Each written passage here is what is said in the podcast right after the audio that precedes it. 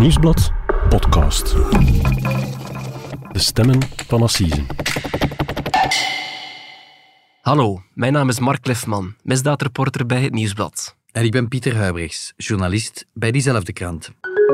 En dit is onze podcast, De Stemmen van Assise, waarbij we u meenemen achter de schermen van elk belangrijk proces. En vandaag hebben we het over de gruwelijke moord op een camping in Middelkerke. Een jonge vader werd op een hallucinante manier gefolterd en daarna de keel overgesneden met een broodmes.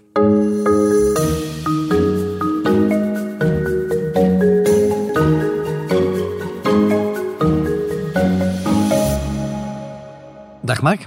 Dag Pieter. Mark, goedemorgen. Welkom in onze podcaststudio uh, op Linkeroever. Ja, het is een uh, turbulente week geweest in justitieland. Hè, maar voor deze podcast moeten we naar Brugge. Ja. We zijn de voorbije uh, jaren regelmatig in het Assiso van Brugge geweest. En we hebben vaak daar podcasts over gemaakt. maar deze keer is het wel een zeer opvallende. Hè, Mark? Het is een zeer opvallende, omdat ja, het gaat niet alleen om een, om een gruwelijk dossier, maar het gaat ook over, ja, over, over, het feit dat er, dat er meerdere mensen terecht staan. Er gaan drie mensen terecht staan voor de moord op een, op een jonge vader, op mm -hmm. Michael Parent is zijn naam. Dat is een man van, van 37. En, en ja, zoals ik zeg, er zullen dus drie mensen op de strafbanken moeten plaatsnemen. Drie mensen die er die fatale avond, het is nu bijna vijf jaar geleden, die waren erbij in een, in een caravan op een camping in Middelkerken. Mm -hmm. Je hebt daar destijds, uh, drie jaar geleden denk ik, een, uh, een grote reconstructie voor gemaakt. Ja, ja, klopt. Uh, in onze weekendbijlage nu. Vier Ja. pagina's over wat is er gebeurd op die camping in Middelkerken. Wat ik mij vooral nog herinner is dat je verwees naar Quentin Tarantino. Ja, je weet wel, hè, de regisseur achter films zoals uh, Pulp Fiction en, en Reservoir Dogs. Uh, bekend om ja, de, de, de, fascinerende dialogen in de films, maar ook ja, de, de gruwelijkheid. Hè. In Mhm. bepaalde films wordt er oor afgesneden, noem maar op. Ja, ik heb deze zaak daarmee verrekend omdat bepaalde dialogen en scènes die op die camping in Middelkerken zich hebben afgespeeld, dat, dat zelfs Tarantino dat niet had, had durven bedenken. Twee uur afgelopen nacht aan de Slijpenbrug in Middelkerken houdt de politie een verdacht voertuig tegen met drie inzittenden. In de koffer van de wagen doen de agenten een akelige ontdekking. Er ligt een lijk dat zwaar toegetakeld is in de hals. Het lijkt wel alsof de man onthoofd is. Mark, horen hier een geluidsfragment van onze collega's van Focus WTV. Zoals dat wel vaker gaat bij een moordonderzoek, um, is de start eigenlijk de vondst van een lichaam. En dat is ook hier het geval. Alleen het gaat hier om een toevallige ontdekking. Ja, en we moeten daarvoor terug naar uh, de nacht van 6 op 7 december 2017, dus vijf jaar geleden.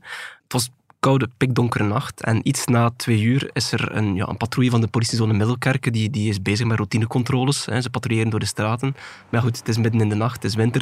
Dus het is natuurlijk niet druk op de baan. Mm -hmm. Maar plots zien ze een, uh, een kleine Seat Ibiza rechts afslaan. En die agenten en die, en die combis die worden een beetje getriggerd door het feit dat die auto veel trager rijdt dan, ja, dan de toegelaten 70 km per uur. En vooral de, de, de auto zwalpt een beetje over de weg. Mm -hmm. Dus ze beslissen de achtervolging in te zetten en die Seat Ibiza tegen te houden. Ja, inderdaad. Dus ze zetten de auto aan de kant en ze, voorin zien ze meteen twee passagiers zitten. Hè. Het gaat om een, om een vrouwelijke bestuurster. Zij heet Kelly, zal later blijken. En naast haar zit een man en zijn naam is Romuald. Die naam gaan we hier nog veel horen in de podcast straks. En achterin zit er nog een tweede passagier, dat is ook een man. Maar wat vooral opvalt voor de agenten is van ja, die drie mensen ze gedragen zich zeer nerveus. Hè. Ze, dus durven... ze rijden niet alleen raar ja. en traag, de passagiers zijn nerveus. Voilà, dus uh, ze maken amper oogcontact met de agenten en eigenlijk maken ze duidelijk van ja, ze willen zo, zo snel mogelijk weer doorrijden. Mm -hmm. Ik kan me voorstellen dat die agenten dan meteen zeggen auto aan de kant en uitstappen. Ja, ze laten dat niet gebeuren. Vooral ook omdat ja, de, de, de agenten zien op een gegeven moment ook dat die bestuurs, dat die Kelly, dat, dat zij een, ja, een verband rond haar hand heeft. Ook de man achterin, die, die man heet Bruno, zal later blijken. Die heeft ook een soort tape aan zijn vingers hangen waaraan hij zit te prutsen. Hij gedraagt zich heel nerveus. Dus goed, ja, de agenten vragen van ja, wat is daar eigenlijk de reden voor? Wat is er gebeurd met jullie handen? Mm -hmm. uh, maar, maar die man achterin die weigert eigenlijk te antwoorden. Ondertussen, een van de agenten ja, die maakt op dat moment ook een rondje rond de wagen. Een typische politie-scène voilà. bij een auto die aan de kant staat. En op dat moment wordt zijn aandacht getrokken door een, een groen deken in de kofferruimte, waar volgens die agent duidelijk iets onder zit. De volgende stap is dan gelieve die koffer eens open te maken. Ja, uiteraard. Eerst willen ze dat eigenlijk niet doen. Pas na drie keer vriendelijk vragen doen ze uiteindelijk dan die kofferbak open. En dan wordt duidelijk waarom dat zo lang duurde, want onder dat teken steekt het lichaam van een man. Ze zien meteen dus, ja, ze doen dat deken weg en, en dan zien ze ja, dat been is zwart geblakerd en heeft duidelijk tal van verwondingen. Ze zien ook uh, bloed aan de keel van een man. Maar op dat moment zien de agenten, en dat is al redelijk gruwelijk, zien ze geen hoofd. Dus enkel de romp van het lichaam. Ja, dat daarin ligt. Dus ja, wat doen ze? Dus, uh, ze trekken meteen een wapen en ze beseffen, oké, we moeten hier die drie inzittenden meteen arresteren. Er wordt groot alarm geslagen bij politie en parket. Want de speuders die, die, die beseffen op dat moment dat ze, ja, dat ze voor een lange, onwaarschijnlijke nacht staan.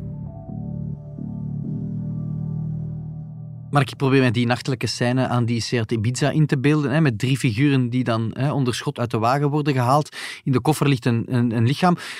Ja, schets mij het verloop van die nacht. Hoe gaat dat dan? Leggen ze meteen bekentenissen af? Worden zij afgevoerd? Hoe gaat dat? Die drie mensen worden meteen alle drie apart in een, in een politiecombi gezet. En het is eigenlijk uh, Kelly, de bestuurster van de wagen, die meteen na haar arrestatie aan de politieagenten zegt van ja, nee, nee, jullie moeten ons niet hebben. Het is Julien Butera die jullie moeten arresteren. En wie is uh, Julien Butera? Dat zal later blijken ondertussen, haar passagier Romuald, die zit in een andere combi en die zegt dan uh, meteen aan de politieagent van nee, je moet ook Alain hebben. Nu goed, normaal gesproken bekijken de agenten dan, ja, wie zijn die mensen? Hè? Ze gaan die namen eens door de politiedatabank. Mm -hmm. Maar hier hebben ze niet eens de tijd gehad, omdat ja, nog geen half uur later kwam er een melding bij de politiediensten binnen dat er zware problemen waren op uh, camping Marva. En camping Marva, dat is een camping daar in de buurt van Middelkerken. Ja, inderdaad. Dat is een camping echt ja, vlakbij. En wat blijkt, is ja, de politie haast zich naar die camping en daar worden ze opgewacht door een man beetje een showful figuur die zich voorstelt als Alain Deltrude. En hij zegt... Alain is de naam die daar in het gevallen is. Ja, dat zal later inderdaad zo blijken. En, en hij zegt van ja, jullie moeten in caravan 116 zijn. Die staat eigenlijk pal in het midden van de camping. En ja, die avond, als de agenten daar aankomen, zien ze meteen, ja, het is hier foute boel. Mm -hmm. Je spreekt van foute boel, maar als ik het goed begrijp, Mark, uh, de scène voordien aan de Seat Ibiza met een, met een, met een lichaam zonder hoofd bijna, uh, in de koffer van een wagen, ja, kan het nog? Nee, nee, nee, natuurlijk niet. Maar meteen is wel duidelijk dat er een link is tussen die Alain Deltrude, Caravan 116, en het verminkte lichaam in de autokoffer van de Seat Ibiza. Um, want, want voor de caravan zien de agenten meteen dat het vol met bloedsporen ligt. Mm -hmm. En binnen zien ze daar zo een, een man die dat wat rondstrompelt in die caravan. En dus ja, de agenten roepen meteen van politie, politie, kom naar buiten. Uh, en die man ja, strompelt uiteindelijk uh, duidelijk onder invloed van, van alcohol of drugs naar buiten. En hij mompelt, ja, ik heb niets misdaan. Ik verklaar niets zonder dat ik een advocaat heb. Mm -hmm. Klinkt eigenlijk als een impliciete schuldbekentenis. Uh, maakt duidelijk dat hij er wel iets mee te maken heeft. Ja, en als er nog aan getwijfeld werd, uh, sprak een, een, blik op zijn kleren en schoenen, uh, boekdelen. Want uh, die man in kwestie hij wordt inderdaad ge geïdentificeerd dan als Julien Butera, hè, de, de, de, man die de bestuurster Kelly aanwees. Mm -hmm. en hij had eigenlijk geen schoenen aan, hij had enkel sokken aan en die waren volledig doordrenkt met bloed. En meer nog, de agenten zagen op dat moment ook dat er zelf ja, menselijke resten aanhingen. Mm -hmm. Dat klinkt nu als ongeziene taferelen. Ja, en op zijn zachtst uitgedrukt misschien een volkse camping in Middelkerken, mag ik dat zo zeggen? Denk um, het wel. Ja, ik neem aan dat Julien en Alain ook meteen in de boeien worden geslagen en meegenomen worden uh, voor verhoor. Ja, uiteraard, want Alain die stond uh, de politie op te wachten, maar toen de agenten hem ja, een beetje van dichtbij uh, bekeken, bleek ook meteen dat zijn crocs volledig onder de bloedplekken zaten. Dus meteen was er het vermoeden dat ja, zowel Julien als Alain ja, de hoofdrol spelen in de moord op de man die die eerder in de kofferbak uh, van die Seat Ibiza werd, uh, werd teruggevonden. Hè. Mm -hmm. Het is ook zo dat uh, Julien Butera eigenlijk vrijwel meteen zegt van ja, mijn leven is voorbij, ik ga zeker voor tien jaar binnenvliegen. Dat is ook meteen een, een soort schuldbekentenis natuurlijk. Um, en dat is ook een tijdje het enige wat hij verklaart, want, want, want voor de rest zegt hij dan, ja, ik, ik beroep me op mijn zwijgrecht als de, als de speurders hem nog eens willen ondervragen. Mm -hmm. En die Alain Deltrude, ook zo'n uh, fascinerend figuur in dit verhaal, verklaart hij meer na zijn onmiddellijke arrestatie? Eigenlijk wel, want hij begint tijdens zijn verhoor meteen over een zekere Michael, eh, noemt hij hem, uh, die bij zijn maat uh, Julien op bezoek was die bewuste dag. En hij, omschrijft hem als een man die al die zwaar aan de medicijnen zat. En hij, hij, at ze als smarties. Hij gooide zijn pilletjes in de lucht en dan ving ze dan op met zijn mond. Um, en opvallend, hij heeft ook meteen toe dat hij, Michael, zo noemt hij hem dan, uh, die bewuste avond een goed pak rammel heeft gegeven. Dat is opmerkelijk. En wat was daar dan de verklaring voor? Ja, daar komen we straks nog uit, uitgebreider op terug. Maar sowieso lijkt het iets zeer banaals. Uh, het gaat dan om, ja, volgens hem omdat hij eten uit de frigo had gestolen en twee bakken cola had genomen, klinkt het eerst in zijn uitleg. Hij zegt van, ja, toen ik hem dat zag eten in die caravan, dan heb ik hem meteen tien vuistslagen in zijn gezicht gegeven.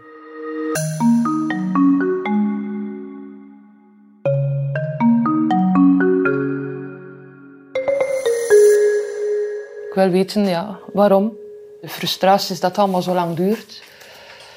En ja, waarom? En heeft hij veel afgezien? Ja, je gaat veel afgezien hebben. Nee, maar wat ging er ook in hem om op dat moment? Dat zijn zo allemaal vragen. Hij had echt een hart van hout. En voor de buitenwereld en andere omgeving van Michael, sommige mensen denken, goh, het is een drugsverslaafde. Oké, okay, heeft hij verleden. Maar in alle situaties kun je aan de drugs geraken. Iedereen kan daaraan geraken, maar je dat maar pakt. Hij was juist goed bezig. Mark, we horen hier opnieuw een uh, fragment van onze collega's van Focus WTV. In interview met Nathalie, een hele goede vriendin van het slachtoffer, van wat intussen hè, de befaamde campingmoord heet. Um, zij woonde destijds een tijdje samen met slachtoffer Michael Parent. Um, we hoorden haar hier zeggen dat hij een drugsverleden had. Hè, dat steekt ja. ze niet weg. Maar hij had zich blijkbaar herpakt. Um, wat voor iemand was die Michael precies? Wel, Michael die, die was een bakkerszoon uit Oostende. Hij is dus amper 37 geworden. Als kind was hij iemand die, die niet kon stilzitten. Dat bleek uit getuigenissen van zijn omgeving. was heel vlug afgeleid. Begon met kattenkwaad, maar dat, dat, dat groeide redelijk snel uit tot ja, redelijk problematisch gedrag. Hij moest ook al, uh, al vroeg naar bepaalde instellingen. Hij liep daar soms weg, zijn schoolresultaten waren niet goed. En, en effectief, ja, vanaf zijn achttiende begon hij ook met een drugsprobleem te kampen. Hij heeft wel geprobeerd om daarvan af te geraken. Uh, hij, is in, hij is in therapie geweest. Hij heeft ook iemand leren kennen daar, een vrouw. Samen hebben ze uiteindelijk een kindje gekregen. Uh, maar goed, uh, ja, hij is nadien nog, nog, nog een paar keer opgenomen. Het is een type dat nooit echt ja, op het goede nee, pad dus is gebleven. Die, die, drugs en die medicatie, dat, dat, dat bleef een probleem in zijn leven. En uiteindelijk was hij dan ook soms dakloos. En dan belandde hij ja, geregeld uh, op camping Marva in Middelkerken. Hij is een beetje ja, op een trieste manier ontspoord, in tegenstelling tot bijvoorbeeld zijn broers, die wel uh, op het rechte pad zijn gebleven. Mm -hmm. Dus mm, vaak als het slechter ging, belandde hij op een of andere manier op die camping Marva in, in die caravan 116. Ja. Dat is natuurlijk de cruciale vraag van wat is er die avond in die caravan gebeurd? Hè? Maar ja, dus uh, Michael die was op bezoek bij zijn vrienden uh, Alain en Julien op de camping. Uh, hij was daar geregeld op bezoek om een pintje te drinken. En het is eigenlijk, we zijn meer te weten gekomen wat daar precies is misgelopen door uh, afhankelijk de verklaringen van Romuald. Want hij is als eerste met de verklaringen afgekomen, omdat hij zei van ja, ik wil de waarheid vertellen. En hij zegt van ja, kijk, ik was daar smiddags op bezoek in de caravan bij Alain Deltrude. Hè, en later kwam ook Julien Butera erbij. En Michael Parent, die zat daar ook in de zetel. Maar blijkbaar op een gegeven moment zijn er dan ja, woorden ontstaan tussen Julien, Alain en Michael. Omdat Michael had tegen Alain gezegd dat het een pedofiel was, blijkbaar. Oké. Okay. Um, en vooral, ja, hij zou ook gestolen hebben uit de chalet van Alain. En ja, daar is ruzie door ontstaan. En plots ja, zijn Alain en Julien, volgens de verklaring dan toch, volledig uit een dak gegaan. En, en zijn ze Michael beginnen afranselen. En hebben ze op een gegeven moment zelfs ook een elektriciteitskabel rond zijn nek gedraaid. Dat is uh, extreem drastisch voor, voor een, uh, een, discussie over iets te hebben gestolen. Absoluut. Uh, en dus volgens de verklaringen van Romwald ging Alain vooral volledig uit zijn dak. hij heeft toen ook op een gegeven moment een, een mes genomen. En hij heeft dan zelf gezegd, Romwald, van ja, ik kan het hier allemaal niet meer aanzien. En ik ben in een andere kamer gegaan, dus ik heb de, de verdere afloop niet met mijn eigen ogen gezien. Mm -hmm. Maar, zegt hij, plots hoorde ik alleen nog Allahu Akbar roepen, gevolgd door ja, een, een geluid alsof iemand de keel werd overgesneden. En dan zegt hij van ja, toen dat gedaan was, heb ik de caravan verlaten en ben ik naar buiten gelopen. En eenmaal terug thuis heb ik dan naar Kelly gebeld, de bestuurster die dan later ja, werd aangetroffen in de Seat Ibiza met het lichaam van Michael. Mm -hmm. Je vertelt dat hier allemaal redelijk sec maakt, maar eigenlijk totale waanzin wat daar, uh, wat daar complete allemaal... waanzin als je het zo hoort, wat er allemaal verklaard is. Als het, er, als het er effectief zo aan toe is gegaan natuurlijk. Ja, en zonder echte aanleiding uh, tot zo'n bruut ja, geweld. banaal allemaal. Dus natuurlijk, dat zijn de eerste verklaringen van die, van die Romuald. Um, ik neem aan dat de speurders checken of dat allemaal wel klopt wat hij zegt en wat hij allemaal hallucinant verklaart. Klopte dat ook finaal? Ja, dat is, dat is het moeilijke voor de speurders. Hè. Ze hebben meteen die, de verklaringen van alle betrokkenen uh, proberen te toetsen aan, aan, aan alle sporen, zoals DNA en bloedsporen. Um, het, was, het was geen makkelijk uh, onderzoek, dat bleek wel. Hè. Het, Ja. heeft drie Ter- jaar terwijl het bewijsmateriaal voor hun ogen ligt. Ja, maar je zit wel met ja, drie heel aparte figuren, zeg maar, eh, die, die, ja, die tegenstrijdige eh, verklaringen afleggen. Sommigen waren ook onder invloed, eh, duidelijk, eh, bij hun eerste verklaringen. Dus ja, dat, dat, dat was, dat was geen makkelijk onderzoek. En Julien Butera, die heeft het ook niet makkelijk gemaakt in het begin, want hij heeft meteen na zijn aanhouding gezegd van ja, ik wil niets meer verklaren, want ja, hij beriep zich afhankelijk op zijn zwijgrecht. En heeft hij de voorbije jaren altijd gezwegen? Nee, dus uiteindelijk viel het al wel mee. Dus eh, een paar weken later is hij opnieuw ondervraagd op zijn vraag. Eh, en hij heeft, dan, ja, hij heeft dan de politie gezegd van kijk, ik wil toch praten. En hij heeft dan onmiddellijk toegegeven dat er eigenlijk daags voordien al woorden waren gevallen tussen hem en Michael. Want hij vond dat eh, Michael weinig respect toonde Want ja, Michael had, had dan volgens hem dan die frigo uh, leeggegeten van Alain. Uh, en had hem ook eens verweten voor pedofiel. En was er een aanleiding waarom hij dat woord gebruikte? En dan, dat weten we niet. Hè. We kunnen dat ook niet mee toetsen of dat, of dat effectief zo gebeurd is. Maar die bewuste middag zaten ze dan met z'n drieën in, in Caravan 116 hè, te drinken. Blikken van het goedkoopste bier. Ze hebben ook pillen zitten slikken. En na drie kwartier ongeveer is de sfeer dan ja, volgens Julien volledig omgeslagen. Wat vooral gespeeld had volgens hem is, Michael die had een pint omgestoten en hij weigerde het op te kuisen. En toen was het hek van de dam. En dan zijn Alain en Julien hem beginnen aanvallen. Ja, want Julien zegt van ja, Michael toonde weer geen respect en is dan beginnen slaan. Uh, samen met Alain is er, is er hard op, uh, op, op Michael ingebeukt. Uh, Julien zegt ook dat Romuald op, op het slachtoffer is slaan, ook al ontkent hij dat.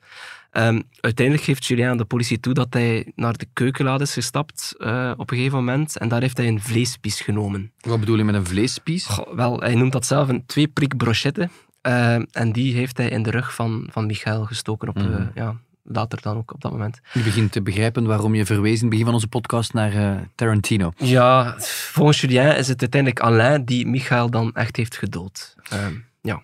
En zijn de speurders meen dat verhaal? Wordt dat getoetst aan de realiteit? Maar Blijkt dat te kloppen? Natuurlijk, Alain Deltrude is ook zeer uitgebreid ondervraagd, meermaals. Um, opvallend daarbij is dat hij Michael Parent nooit bij naam noemt. Hij, hij, noemt hem altijd als de man die is overleden in zijn ondervraging.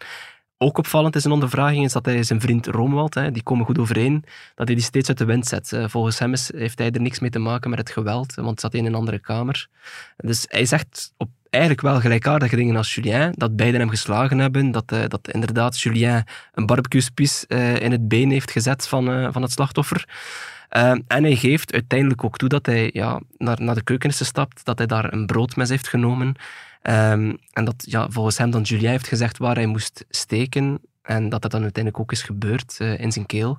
En hij zegt ook dat hij een, een pan op het hoofd van het slachtoffer heeft kapotgeslagen. Mm -hmm ik begrijp nog altijd de aanleiding van dat brute geweld niet.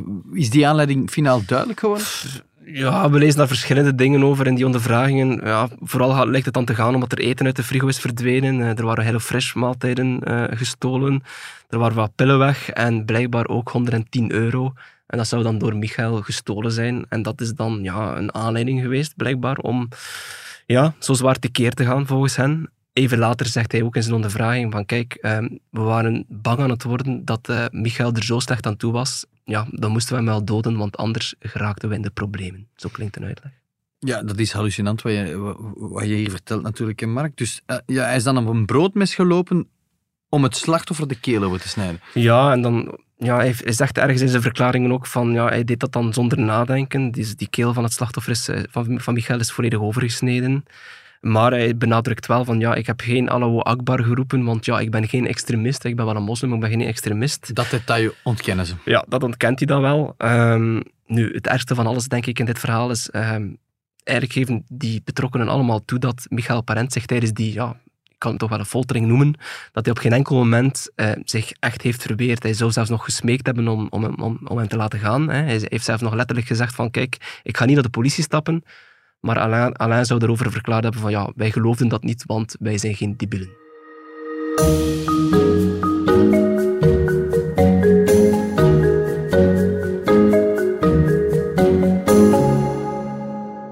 Als ik het goed begrijp, Mark, zitten we hier met drie protagonisten, hè, drie opmerkelijke figuren. Julien Butera, Alain Deltrude en Romuald. Hè, alle drie aanwezig in die caravan 116 toen slachtoffer Michael Parent uh, is gestorven. Ja, ze leggen verschillende verklaringen af, maar ze zijn er alle drie zwaar bij betrokken. Kan je schetsen wat voor mannen dat zijn? Ja, ik denk dat we wel mogen stellen dat, het, dat dat drie mannen zijn die toch een beetje op dat moment aan de, aan de rand van de maatschappij leven. Um, Alain Deltrude die is uh, afkomstig uit Wallonië, maar die heeft in zijn, zijn leven heel veel rondgezwerfd. Hij is, uh, ja, ik denk zelfs 57 keer op een ander adres gedomicileerd geweest. Dus dat, dat kan wat tellen. Dat is heel veel. Uh, ook qua jobs heeft hij van alles gedaan. Van straatveger tot ja, zelfs mannelijke prostituee. Van afwasser tot kok. Um, maar op het einde leefde hij vooral van, ja, van het OCM En ja, zat hij toch ook wel aan de drugs en medicijnen. Mm -hmm. ja. Eerder een, een, een, randfiguur, vrees ik. Die, die Julien Butera, is dat een gelijkaardig verhaal? Dat is, ook, dat is iemand met een, met een achtergrond van alcoholmisbruik. Uh, hij wordt wel als hulpvaardig omschreven, maar hij is blijkbaar zeer gevoelig aan verslavingen, zegt zijn omgeving. Hè, en dan kan hij gevaarlijk, uh, agressief en manipulatief uit de hoek komen. Nu is dat ook wel gekend bij de politie, hè, voor, eh, voor, voor, voor toch veel feiten, meer dan 40 feiten van ja, geweld, drugs en vermogensdelicten. Hij bent dan een, eh, een zware crimineel. Hij liep al meerdere veroordelingen op en hij heeft dus een tijdje in de gevangenis gesleten. En Romuald, ja, die heeft eigenlijk ook een, eh, een, een, een zwaar strafblad. Die staat ook al lange tijd uh, gekend bij de politiediensten. We hebben hier de voorbije jaren heel veel uh, moordverhalen de uh, revue zien passeren, Mark. vaak zijn die gruwelijk, hè. dat spreekt voor zich, maar, mm -hmm. maar dit is toch nog van een andere orde, vrees. Hè. Het is denk ik duidelijk hoe die Michael Parent in die caravan om het leven is gebracht. Die protagonisten waren daarbij, hebben daar elk hun aandeel in wat mij nog blijft fascineren ook, van ja, je zit dan met dat, met dat lichaam, of, of, of wat er van dat lichaam overblijft, op een bepaald ogenblik, diep in de nacht, wordt dat dan in die Seat Ibiza versleept en gaan ze daarmee aan de haal. Ja, die Romuald had dan op een gegeven moment gebeld naar Kelly, dat was een vriendin van hem. Dat is ook opvallend, dat was een jonge vrouw, hè, die had zelfs nog uh, rechtenstudies uh, begonnen. Maar die is dan ja, niets vermoedend daar naartoe gereden. Maar nog voordat dat dan eigenlijk is gebeurd, nog voor Kelly daar aankwam, uh, blijkbaar hebben Alain en Julien, die zijn nog naar de nachtwinkel geweest, hebben nog een, hebben nog een pintje gedronken. En die hebben dan... Dus wacht, je hebt die scène in die caravan en dan gaan die mannen naar de nachtwinkel om bier te gaan halen. Ze, ja, ze zijn nog, zijn nog naar de nachtwinkel geweest en dan zijn ze, hebben ze besloten om het lichaam met een, met een kruiwagen naar een leegstaande caravan te brengen, op nummer 94, iets verderop. Ze doen dat dan uiteindelijk ook. En uh, onderweg ontstaat dan nog het idee uh, om de geslachtsdelen van Michael Parent uh, met petroleum in brand te steken. Waarom in hemelsnaam zouden ze dat doen? Maar ja, ook, ook daar weer zo'n absurde verklaring tijdens een van die verhoren. Want volgens hen was dat symbolisch. Want Michael Parent die keek volgens hen soms raar naar de kinderen op de camping. Maar voor alle duidelijkheid, ja, we weten dus niet of dat effectief gebeurd is. Hè. Michael kan het natuurlijk niet meer navertellen. Dus ja, het onderzoek heeft dat ook nooit uitgemaakt of dat, of dat hij dat effectief gedaan heeft. Mm -hmm. Uiteindelijk was het dan Romuald die de hulp inschakelde van Kelly en, en de anderen om dat lichaam op te halen. Ja, en dus dat het, uiteindelijk is dan Kelly hè, met, met haar toenmalige vriend Bruno, die zijn dan ter plaatse gekomen samen met Romuald. Maar ook dat, hoe dat allemaal tot stand is gekomen, is een beetje onduidelijk gebleven al die jaren. Want ja, al die, al die verschillende betrokkenen hebben, zoals ik eerder al zei, veel tegenstrijdige verklaringen afgelegd.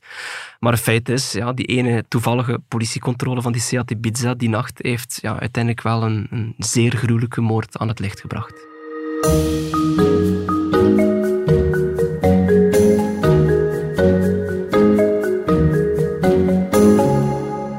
Dat zij heel veel spijt hebben van wat er die bewuste avond eigenlijk gebeurd is. Zij zijn opgebeld geweest uh, met de bedoeling dat er een probleem was uit Middelkerken. Hij wist niet waarvoor dat hij kwam.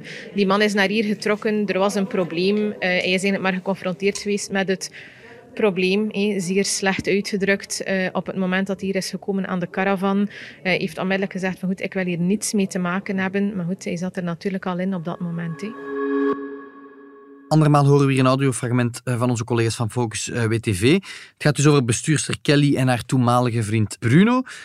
Wat ik nu goed begrijp, Mark, die zijn intussen al veroordeeld voor de correctionele rechtbank wegens lijkverberging, maar dat wordt niet meegenomen nee. in het Hof van Assise. Nee, ze hebben een apart proces gekregen en dat komt eigenlijk zo. Um, zij worden niet verdacht van de moord, want zij, zij waren niet betrokken in die caravan. Dat is duidelijk Dat gebleken. is duidelijk gebleken. Er waren maar drie mensen aanwezig. Dat was Romuald, Julien en Alain.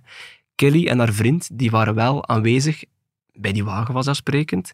Uh, en zij werden vervolgd voor lijkverberging, omdat zij werden natuurlijk aangetroffen met het lichaam in, in hun kofferbak. En dus daarom hebben ze beslist om, om hen apart te vervolgen. Dat was een correctioneel proces. Eh, dat was in februari dit jaar. En zij zijn effectief ja, tijdens dat proces schuldig bevonden aan lijkverberging. Eh, daar staat een veel lagere straf op dan voor een assisenhof, eh, voor moord bijvoorbeeld. Want ja, het is wel duidelijk dat ze op vraag van Roemwald naar Middelkerken zijn afgezakt, dat dat lichaam daar in die koffer was.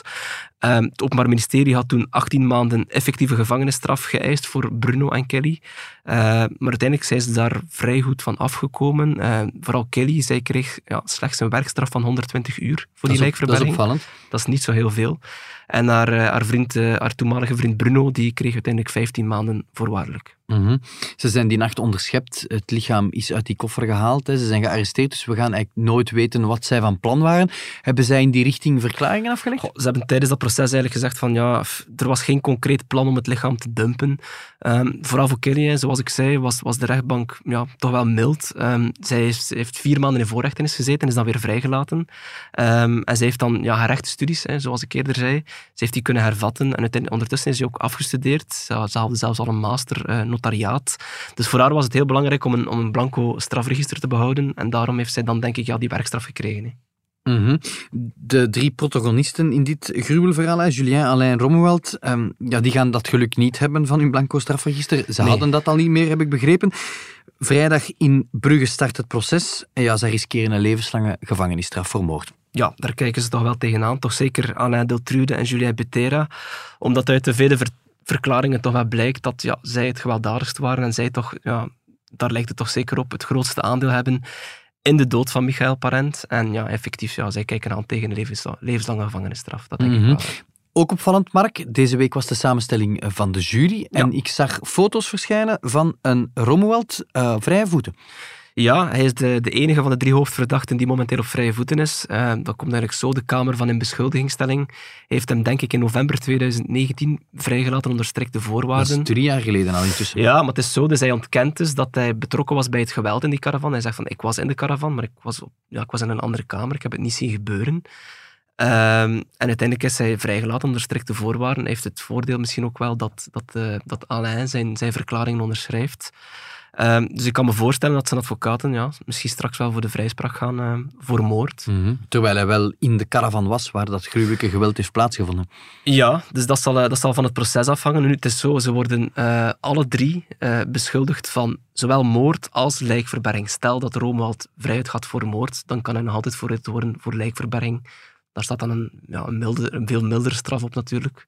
Maar dat zal het proces uitwijzen. Dat is, dat is te zien. Mm proces start vrijdag in Bruggen. Uh, je gaat dat voor ons uh, volgen. Dat gaat meer dan een week duren.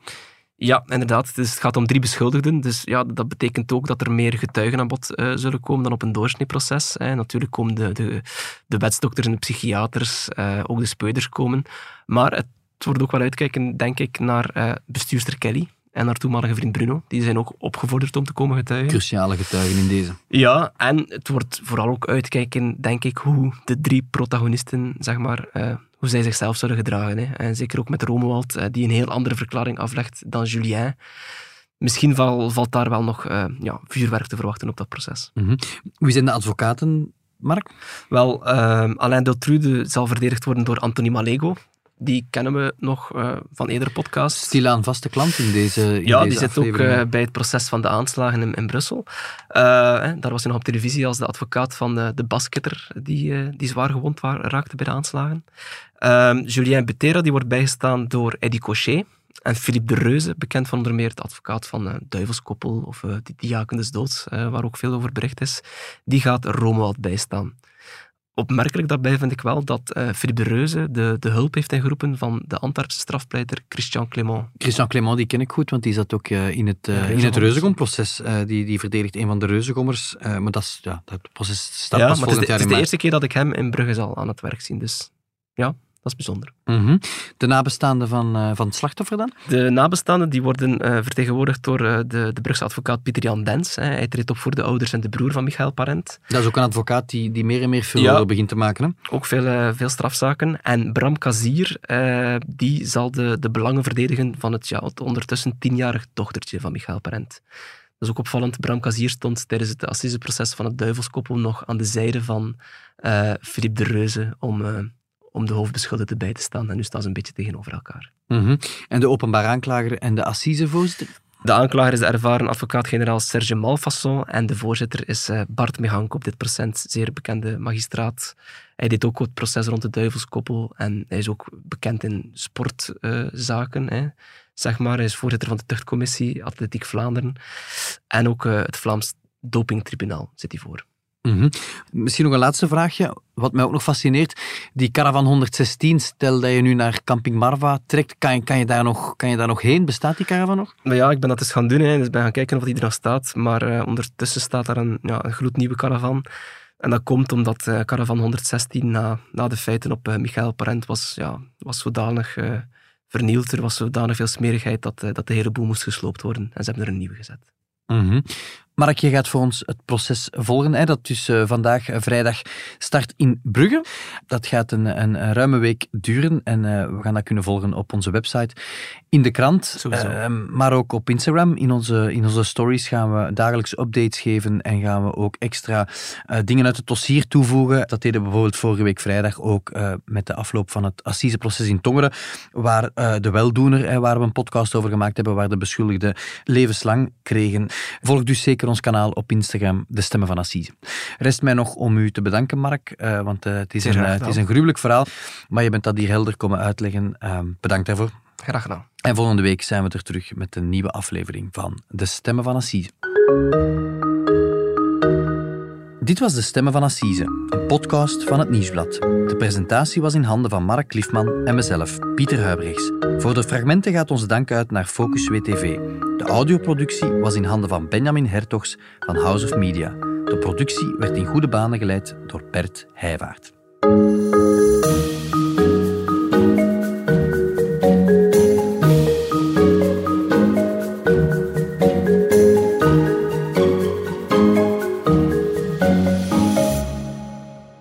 Heb je de andere podcasts van het Nieuwsblad al beluisterd? Seks verandert alles, Het punt van Van Impe, Vrolijke Vrekken, Shotcast en De koers is van ons.